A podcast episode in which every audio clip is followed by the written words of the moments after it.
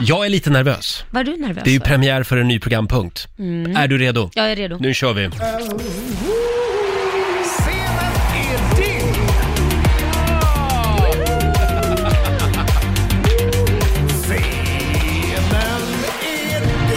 Just det, premiär den här morgonen för Scenen är din som vi gör tillsammans med eh, Raw Comedy Club. Mm. Eh, Vi tänkte att det är ju helt rätt i tiden att försöka få Sverige att skratta så mycket som möjligt. Ja. Därför så har vi tagit hjälp av vår kära morgonsokompis Mårten Andersson, Mhm. som varje morgon den här veckan kommer att eh, plocka fram en ny komiker, en standup-komiker, som han tror klarar att få Sverige att börja skratta. Mm. Eh, ska vi höra vem Mårten har valt den här morgonen? Jaha.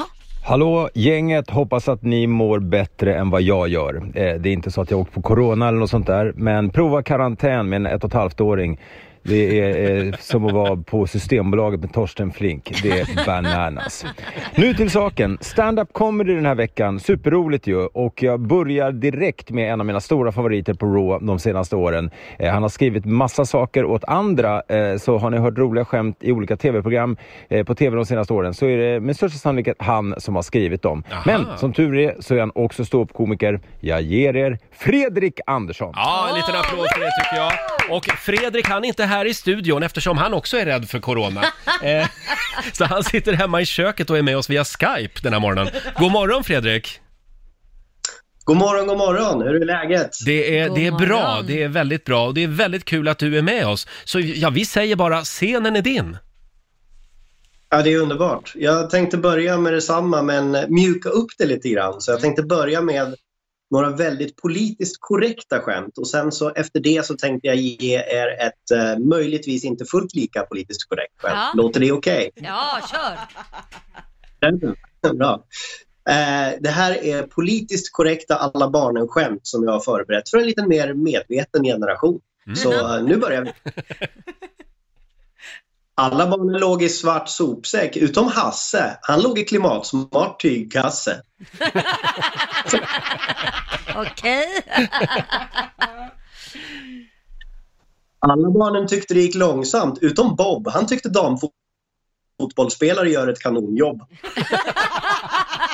Ja, den är bra.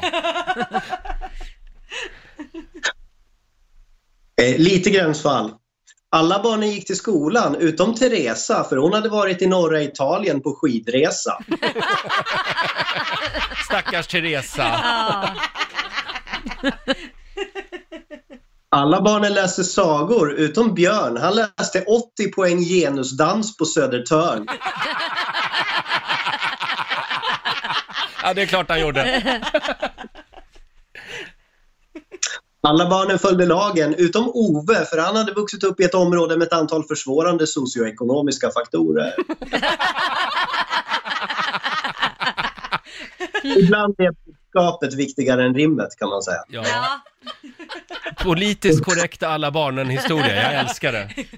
Nu, nu är frågan, vill ni höra den inte fullt lika politiskt korrekta eller vill ni höra det superkorrekta politiskt korrekta skämtet? Vilket vill ni höra? Vi vill ha the dirty ones. Okej, ni bad om det. det går så här. Jag dejtade en kinesisk tjej ett tag, men det slutade väldigt illa. Hon frågade en dag så här, Fredrik, är det okej ifall jag åker till Grekland med mina kompisar? Vi ska inte festa eller något, bara ligga på stranden och ta det lugnt. Och jag bara, ja, visst, självklart. Sen en vecka senare åkte jag för att plocka upp henne på flygplatsen. Och jag märkte ju direkt att någonting var ju annorlunda. Va? Hon tittade mig inte i ögonen, hon ville inte prata om resan och senare så grät hon rent av efter att vi hade haft sex. Oj. Och ändå tog det rätt lång tid innan jag fattade att jag hade plockat upp fel kines. Nej men alltså! Så. Oh my god! Ni skrattade. Jag drog det där, Ja men det är så, det är jag så drog det där skämtet en kväll. Och en, vänta, vänta. Får Jag drog det där skämtet en så? kväll och en kille kom fram. En kille kom fram efteråt, kines då, och han sa att det där skämtet, det kan du inte dra för det är oerhört rasistiskt. Mm. För det förstärker fördomen att alla kineser ser likadana ut. Och då sa jag till honom, kom igen, har inte vi pratat om det här förr? Men vad fasen, det här är verkligen inte bra. Var det, här, var det här en bra programpunkt att dra igång? Jag vet inte. Det var jag som bad om det, men det här, jag vet inte. Nu, nu brinner vår brevlåda här tror jag. Ni bad om det. Det var allt för mig. Ja, hörni. du får en applåd av oss. Fredrik Andersson live från köket hemma helt enkelt. Eh, ja, vi får se om vi kör det här imorgon igen. Ja. Tack snälla Fredrik, puss och kram. Riks Morgonzoo. Vi underhåller Sverige.